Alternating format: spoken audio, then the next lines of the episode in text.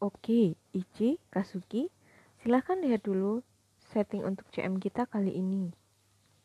Sutradara yang bernama Kusanagi itu segera saja mengajak kedua bintang iklannya untuk melihat-lihat studio yang sudah disulap menjadi taman bermain kecil yang indah.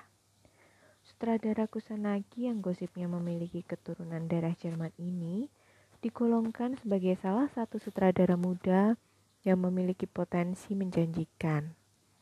Pada umur 33 tahun, beliau sudah dikenal sebagai salah satu sutradara yang bertanggung jawab khusus dalam pembuatan CM dan PV beberapa artis serta idola papan atas Jepang. Di tengah-tengah ruangan, sebuah taman bermain mini dengan sebuah ayunan, kotak pasir berukuran sedang di bawah perosotan, serta kursi taman untuk dua orang diletakkan di salah satu sisinya. Benar-benar terlihat seperti taman bermain sungguhan, tapi dalam ukuran yang lebih kecil. Nah, Ichi, Kazuki, silahkan kalian berakting sebagai sepasang kekasih di dalam taman ini. Ceritanya dibuat seperti acara kencan anak muda di hari Sabtu yang cerah, bersenang-senang selama satu hari penuh, dan setelah kalian kelelahan, Ichi lantas memberikan sebotol air mineral pure kepada Kazuki. Sutradara Kusanagi menjelaskan panjang lebar. Kalian bisa berakting sesuka kalian sebagai pasangan kekasih yang bahagia. Tunjukkan perasaan cinta, kemesraan, dan rasa sayang kalian sebagai simbol dari produk pure ini. Paham? Ichi dan Kazuki sama-sama menganggukkan kepala. Berbeda dari Ichi yang terlihat cool seperti biasa, Kazuki justru kelihatan terlalu antusias.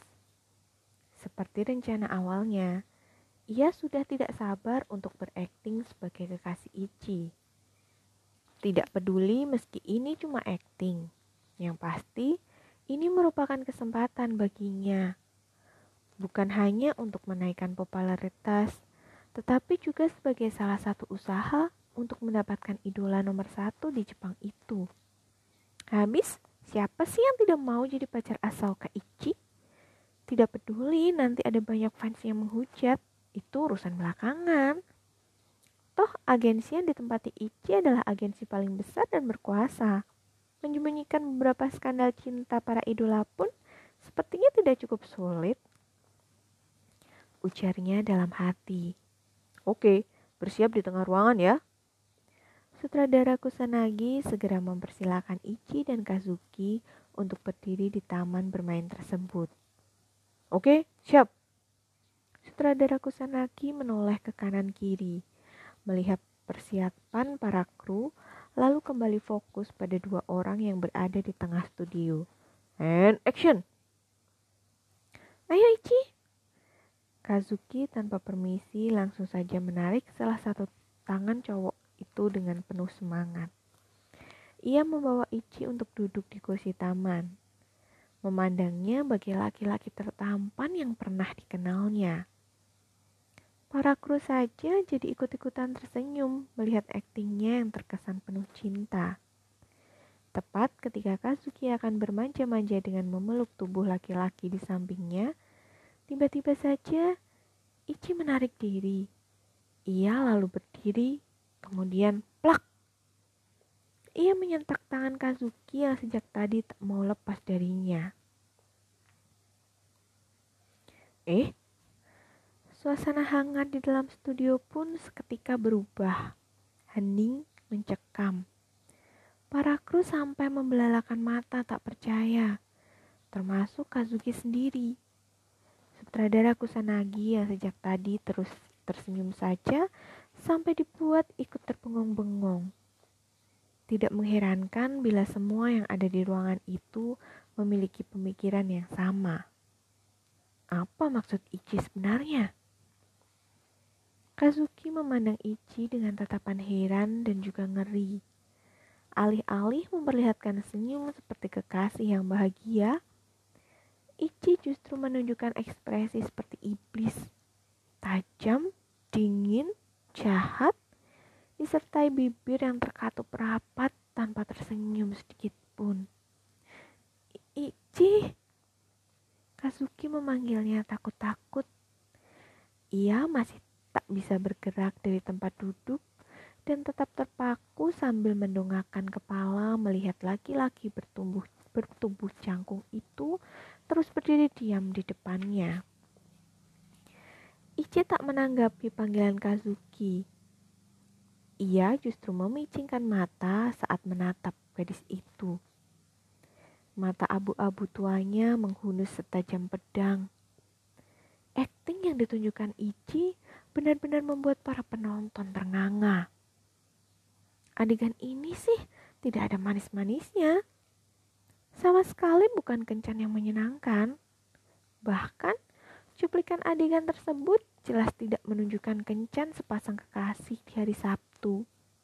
Tetapi, lebih seperti adegan seorang gadis yang nyawanya sedang terancam. Bukan hanya para kru yang terbius oleh akting Ichi yang tak disangka-sangka.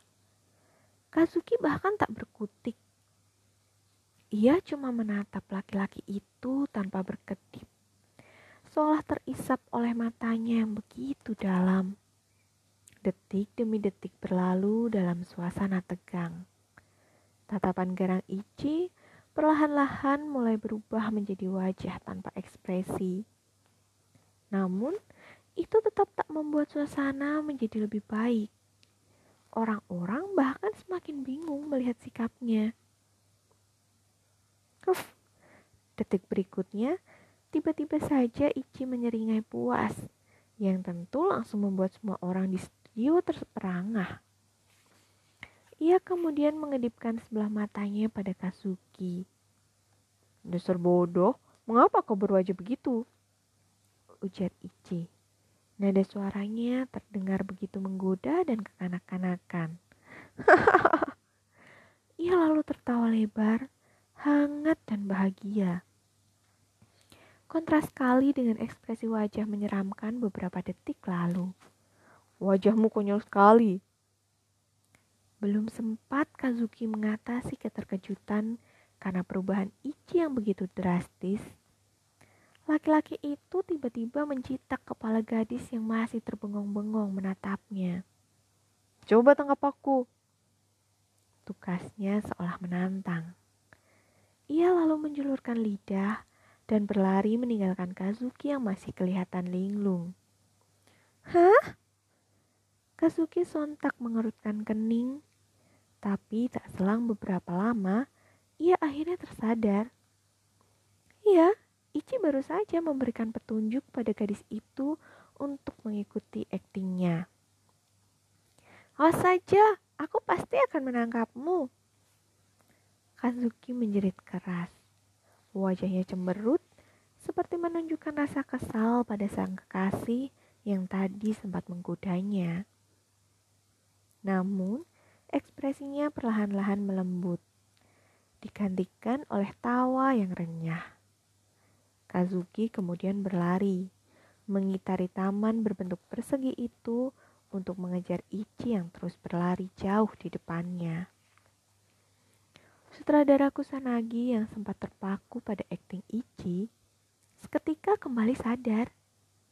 Ia memerintahkan para kamerawan untuk bergerak mendekati kedua artis tersebut untuk mengambil gambar dalam berbagai sudut. Para kru tersenyum tanpa bisa ditahan. Mereka melihat Ichi dan Kazuki yang berlarian di taman dengan penuh keceriaan seperti melihat pasangan muda yang asik bermain-main. Kazuki terlihat serius mengejar Ichi, namun tak sekalipun ia berhasil menangkap laki-laki itu. Sebaliknya, Ichi justru terlihat senang menggodanya, mendorong ayunan yang diduduki Kazuki tinggi-tinggi sampai membuat gadis itu menjerit, bermain perosotan, lalu terjatuh di atas kotak pasir sampai baju mereka berdua kotor. Setelah beberapa saat, energi Kazuki benar-benar terkuras habis. Ia menyerah, tak sanggup lagi mengejar Ichi yang sepertinya masih punya banyak asupan energi. Kazuki lalu merebahkan tubuhnya begitu saja di dalam kotak pasir dengan nafas terengah-engah karena kebanyakan berlari. Di lain sisi, Ichi yang berdiri tidak jauh darinya memandang gadis itu hangat. Lalu berbalik menuju kursi taman, mengambil dua botol minuman berlabel pure dalam tasnya yang berwarna putih. Kazuki yang masih kelelahan tak menyadari bahwa Ichi sudah duduk di sebelahnya. Dengan senyum kecil, laki-laki itu pun mendekatkan botol minumannya hingga menyentuh pipi Kazuki. Ya! Kazuki spontan menjerit. Ia langsung terbangun oleh sentuhan dingin di wajahnya. Itu bukan akting semata, karena ia sungguh-sungguh menunjukkan ekspresi terkejut yang begitu nyata. Kamu pasti kelelahan. Ichi tertawa jahil sebelum akhirnya pemandangannya berubah lembut. Minum ini? Ucapnya seraya membuka tutup botol minuman untuk Kazuki. Senyuman dan ekspresi wajah Ichi langsung saja menarik gadis itu. Kazuki tak bisa menahan diri untuk tidak ikut-ikutan tersenyum pada Ichi. Karena rasanya ada perasaan bahagia dan menyenangkan yang tiba-tiba menyeruak dalam hatinya. Terima kasih. Sutradara Kusanagi menggeleng-geleng takjub. Akting kedua pemain tersebut benar-benar melampaui ekspektasinya. Ia terlihat begitu puas Meski awalnya sutradara Kusanagi mengira akan melihat adegan romantis yang penuh cinta dari sepasang kekasih remaja, namun apa yang baru saja dilihatnya ternyata lebih bagus dari apa yang ia pikir. Cinta kita sedalam pure. Ichi dan Kazuki menutup akting mereka dengan mengucapkan tagline dari produk minuman air mineral tersebut. Oke, cut. Suara Pak Sutradara terlihat penuh semangat. Plok, plok, plok, plok, plok.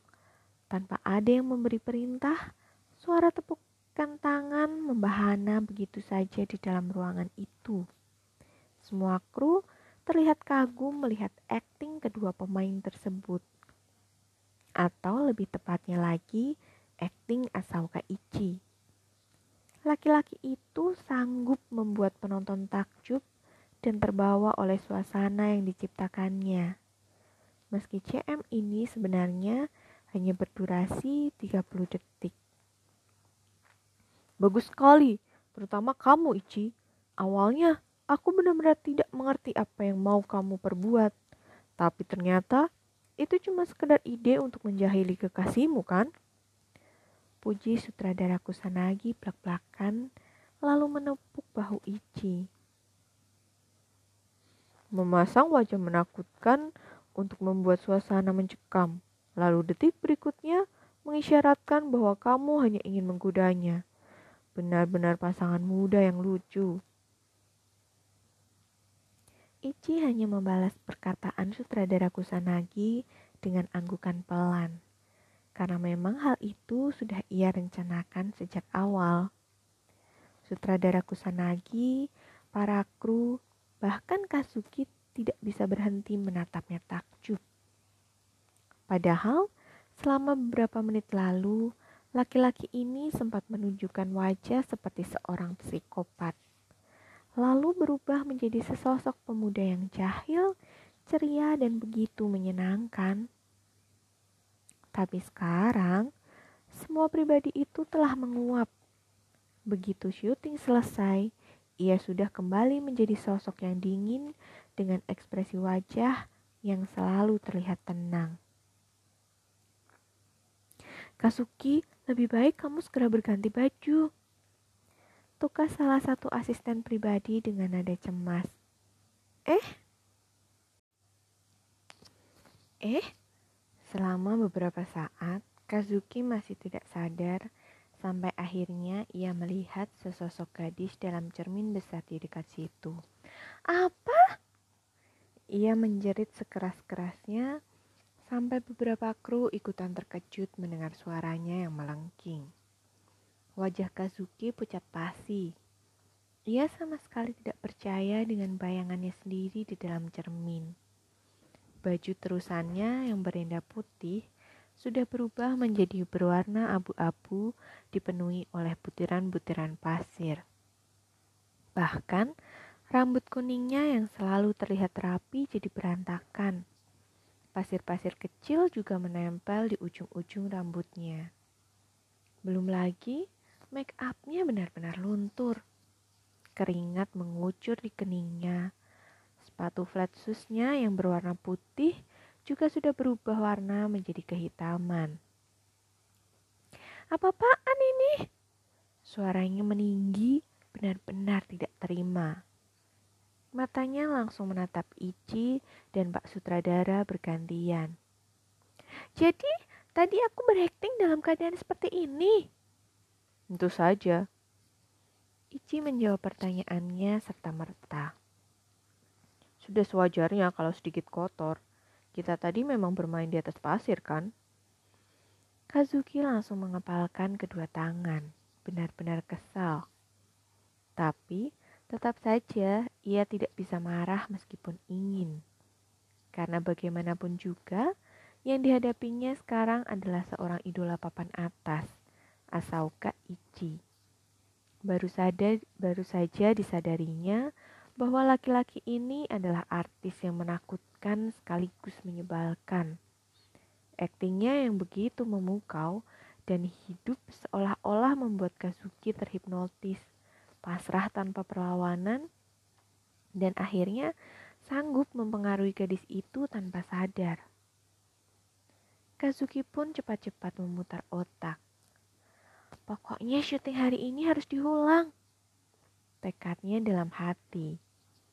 Image Kojima Kazuki yang feminim, manja, bersih, imut, dan ceria bisa rusak hanya karena iklan ini. Berkotor-kotor atau berlari-lari sama sekali bukan image yang disandangnya semenjak menjadi artis. Ia bahkan selalu menolak sebuah tawaran drama yang mengharuskan dirinya melakukan adegan yang mungkin dapat menghancurkan image tersebut. Jadi, sekarang tidak ada jalan lain. Dalam posisi terdesak, Kazuki akhirnya memutuskan untuk memohon, mengatupkan kedua tangan di depan dada dengan mata berair menahan tangis. Pak sutradara, saya mohon, izinkan saya untuk mengulang syuting hari ini. Saya ingin menunjukkan adegan romantis serta perasaan cinta sepasang kekasih yang murni. Ia lalu berbalik menatap Ichi dengan mata sayu memelas. Meski adegan yang barusan kita lakukan sudah bagus, tapi bukannya bermain-main seperti itu hanya terkesan seperti sepasang sahabat. Para penonton pasti menginginkan sebuah adegan yang lebih mesra. Sutradara Kusanagi diam saja. Beliau justru menatap Ichi menunggu tanggapannya. Karena semua itu juga tergantung pada keputusan aktor muda tersebut. Namun, di sisi lain beberapa kru terlihat mulai terpengaruh oleh pendapat yang dikemukakan Azuki. Benar juga, kalau melihat adegan tadi, sepertinya daripada disebut pasangan kasih, memang lebih cocok disebut pasang sahabat. Lagi pula mereka sama sekali tak bersentuhan secara intim kan?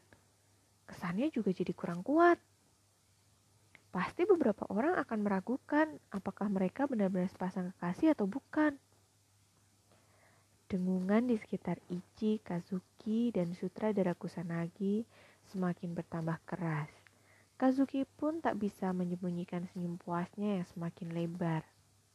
Dengan banyaknya orang-orang yang membelanya, ia pikir Ichi pasti akan mulai tertekan. Sutradara Kusanagi buru-buru memberikan isyarat, isyarat untuk menenangkan keadaan. Tapi tapi gerakannya tertahan saat beliau tanpa sengaja memandang ekspresi laki-laki berambut abu-abu di sebelahnya. Laki-laki itu tersenyum tipis. Senyumnya yang khas, penuh percaya diri dan mengintimidasi lawan. Ekspresi puas di wajah Kasuki pun perlahan-lahan memudar. Ia tersentak saat melihat Ichi yang sama sekali tak merasa terbebani.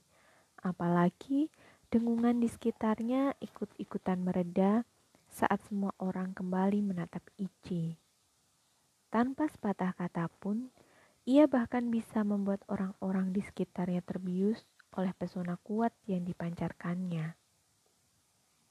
Kojima, Ichi memandang gadis itu, lalu selangkah maju mendekatinya. Ah, apa?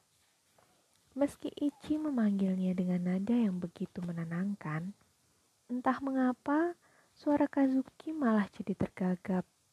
Sekarang, ia akhirnya sepenuhnya sadar bahwa laki-laki itu memang tak pernah menganggapnya. Padahal, berkali-kali ia menyuruh Ichi untuk langsung memanggil namanya. Tapi laki-laki itu sama sekali tak peduli. Sepertinya kamu lupa dengan apa yang kukatakan ya? Ichi menyembulkan sebuah senyum tipis. Kilatan di bola matanya seperti sebuah tekanan di balik ketenangannya yang memabukkan. Orang-orang di sekitar mereka saja cuma bisa jadi penonton bisu. Sama sekali tak mengerti dan cuma asal ikut mendengar topik pembicaraan yang sepertinya semakin seru. Lupa, Kening Kazuki berkerut-kerut. Bahkan ia sendiri tak paham. Moto dari CM ini. Eh, Kazuki semakin dibingungkan oleh kata-kata Ichi. Cinta kita sedalam pure kan? Ichi sontak tersenyum lebar. Sangat kuat dan begitu percaya diri. Kalau kamu sudah paham makna dari kalimat itu, seharusnya kamu tidak perlu protes. Kazuki tak tahan lagi. Rasanya cowok ini memang sedang mempermainkannya. Sebenarnya apa sih maksudmu? Jelas sekali kan kalau kalimat itu mengungkapkan cinta? Ia menaikkan suaranya satu oktav. Ichi benar-benar sudah membuatnya tak sabar. Jadi sudah seharusnya kita menunjukkan perasaan cinta kita sebagai sepasang kekasih. Para kru yang mendengar perdebatan mereka yang semakin panas jadi ikut-ikutan emosi. Beberapa di antara mereka kelihatan masih membela Kazuki. Tapi tentu tidak ada yang berani ikut campur dan cuma bisa manggut-manggut tanpa arti. Bukan di situ poinnya. Menanggapi kemarahan Kazuki dengan sangat-sangat tenang. Bahkan bisa dibilang begitu damai. Ia memasukkan kedua tangannya di saku celana. Gayanya yang memang cool jadi semakin membuat orang-orang di sekitarnya keguk sendiri. Lalu, Ichi mendesah pelan seperti menunjukkan perasaan kecewa pada Kazuki yang sama sekali tak berusaha ia tutupi. Kamu tahu mengapa taman bermain disebut dengan taman bermain? Hah? Bukan hanya Kazuki, bahkan seluruh kru juga ikut-ikutan bengong. Tentu saja untuk bermain kan? Kazuki menjawab pertanyaan konyol itu dengan nada sebal. Apa sih maunya cowok ini? Dari tadi rasanya ia terus-terusan mempermainkanku. Keluhnya dalam hati. Itu jawabannya. Tanpa diduga-duga, Ichi menyeringai puas. Ia memang sengaja memancing Kazuki dan ternyata gadis itu memakan umpannya dengan sempurna. Meskipun sepasang kekasih, tapi saat berada di taman bermain, ya tujuan kita memang harus bermain kan? Selintas tatapan mata Ichi menajam. Itulah yang disebut murni. Kazuki langsung tersentak. Matanya melotot tak percaya. Begitu juga dengan para kru yang mengitari mereka. Penjelasan singkat Ichi membuat semua orang tersadar bahwa ia tidak hanya terfokus pada kata cinta, melainkan pada kata pure yang tidak lain berarti sebuah kemurnian. Dan harus diakui itulah tema utama produk mereka. Tetapi Kazuki masih berusaha memperkuat pendapatnya. Zaman sekarang banyak orang yang berpacaran di taman kan? mereka tetap menunjukkan kemesraan. Bodoh sekali. Dengan kejamnya Ichi memotong ucapan Kazuki. Bahkan sampai mendengus ke arah gadis itu. Kalau mau bermesraan, berpelukan, atau bahkan berciuman, bukannya lebih baik pergi saja ke hotel. Orang-orang di sekitar Ichi langsung melongo. Ichi ini kadang-kadang memang sangat sadis. Ucapannya yang setajam pedang yang baru diasah sanggup membuat lawan tumbang seketika. Apalagi apa yang keluar dari mulutnya barusan adalah sesuatu yang logis. Jadi wajar saja kalau para penantang langsung mengibarkan bendera putih tanda menyerah. Kata-katanya sama sekali tak bisa dilawan. Semua sanggahan dan seribu macam alasan yang sudah Kasuki persiapkan untuk melawan Ichi telah luruh. Tanda sedetik itu juga. Kazuki benar-benar merasa dibodohi Sejak awal, Ichi memang sama sekali tak berniat untuk beradegan mesra dengannya. Kazuki sama sekali tidak menyadari petunjuk yang sudah Ichi berikan tepat sebelum mereka berakting. Gadis itu hanya fokus pada kata cinta, tanpa memikirkan lebih jauh lagi makna yang lebih penting dalam sebaris tagline sederhana pure. Kemurnian cinta tidak semata-mata hanya ditunjukkan oleh sebuah adegan mesra, tapi juga apa arti sebenarnya di balik kata pure yang berarti murni. Kazuki benar-benar merasa dipermalukan. Di depan semua kruk pure, ia kalah telak. Para pembela Kazuki pun sudah mundur bersamaan secara teratur. Selain karena pengaruh asal Ichi yang begitu kuat, penjelasan laki-laki itu juga masuk akal dan menarik. Menunjukkan sebuah kemurnian yang mungkin banyak dilupakan oleh banyak orang. Bahkan bisa juga dijadikan sebuah pelajaran untuk para penonton yang melihatnya. Tidak perlu dipertanyakan lagi. Pada akhirnya, semua setuju pada pendapat Ichi. Tak ada lagi pantahan atau perlawanan. Dan Kazuki hanya bisa diam, kesal, marah, malu, dan bersumpah untuk tidak mau macam-macam lagi dengan cowok satu itu. Setelah kejadian tersebut, Kazuki cepat-cepat keluar dari studio, berpamitan, dan langsung pergi begitu saja. Ia benar-benar kapok berhadapan dengan manusia tanpa perasaan itu. Ichi, Sutradara Kusanagi duduk di sebelahnya setelah semua kru keluar dari ruangan. Sebenarnya dari tadi, beliau cukup penasaran pada cara Ichi memperlakukan Kazuki. Meski bukan sesuatu yang aneh kalau laki-laki itu sampai membimbing artis lain untuk mengikutinya. Tapi ada sesuatu yang lain hari ini. Ichi bukan hanya membuat Kazuki terbius oleh aktingnya tetapi juga memberikan pelajaran dan seperti berusaha menghukum gadis itu. Padahal, Ichi jelas tahu bahwa Kazuki memiliki image lemah dan manja. Tetapi, ia justru sengaja membuatnya berkotor-kotor. Bahkan, sampai mempermalukannya di depan para kru. Sejujurnya, perbuatan seperti itu biasanya tidak pernah ia lakukan.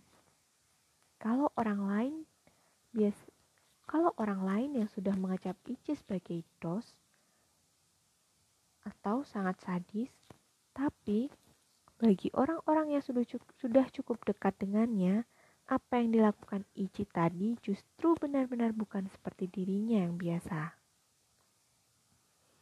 Apakah Zuki membuatmu marah? Tanya sutradara Kusanagi hati-hati.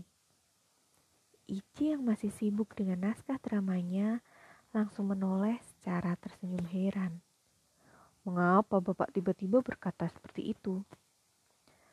Perlakuanmu tadi padanya bukan sesuatu yang akan kau lakukan tanpa alasan. Ichi merasa sedikit takjub. Ternyata sutradara Kusanagi cukup peka juga dalam melihat perubahan sikapnya. Namun Ichi jelas tidak ingin bercerita. Ia hanya menggelengkan kepala seraya berkata, Itu hanya keegoisanku. Sutradara Kusanagi mengerutkan kening. Tetapi tak berniat untuk bertanya lagi. Karena laki-laki itu sudah mengisyaratkan untuk tidak melanjutkan topik pembicaraan. Tapi sejujurnya, apa yang dikatakan Ichi juga bukan sepenuhnya bohong. Awalnya, ia sama sekali tak ada niat untuk membuat Kazuki sampai terpaksa merelakan image-nya yang bersih jadi tak keruan dalam CM Pure. Namun, ejekan dan kata-kata kasarnya tentang kanon ternyata membuat Ichi kesal juga. Memilih untuk bersikap dingin dan sedikit sadis adalah cara Ichi untuk menun, menun, menghukum sekaligus menumpahkan kemarahannya kepada gadis centil itu. Meski terdengar kejam dan egois, tapi hanya itu yang terlintas di dalam benaknya. Ia melakukannya juga bukan semata-mata demi kanon. Semua itu murni ia lakukan untuk kepuasan dirinya sendiri. Karena entah mengapa, Ichi tidak suka melihat orang lain mengejek lawan mainnya di dorama Bokutachi no Umi tersebut. Toh, ia merasa apa yang dilakukannya tadi juga tidak seberapa keterlaluan. Yang penting hasil dari syuting hari ini berakhir baik. Jadi, sudah seharusnya Kasuki merasa puas kan?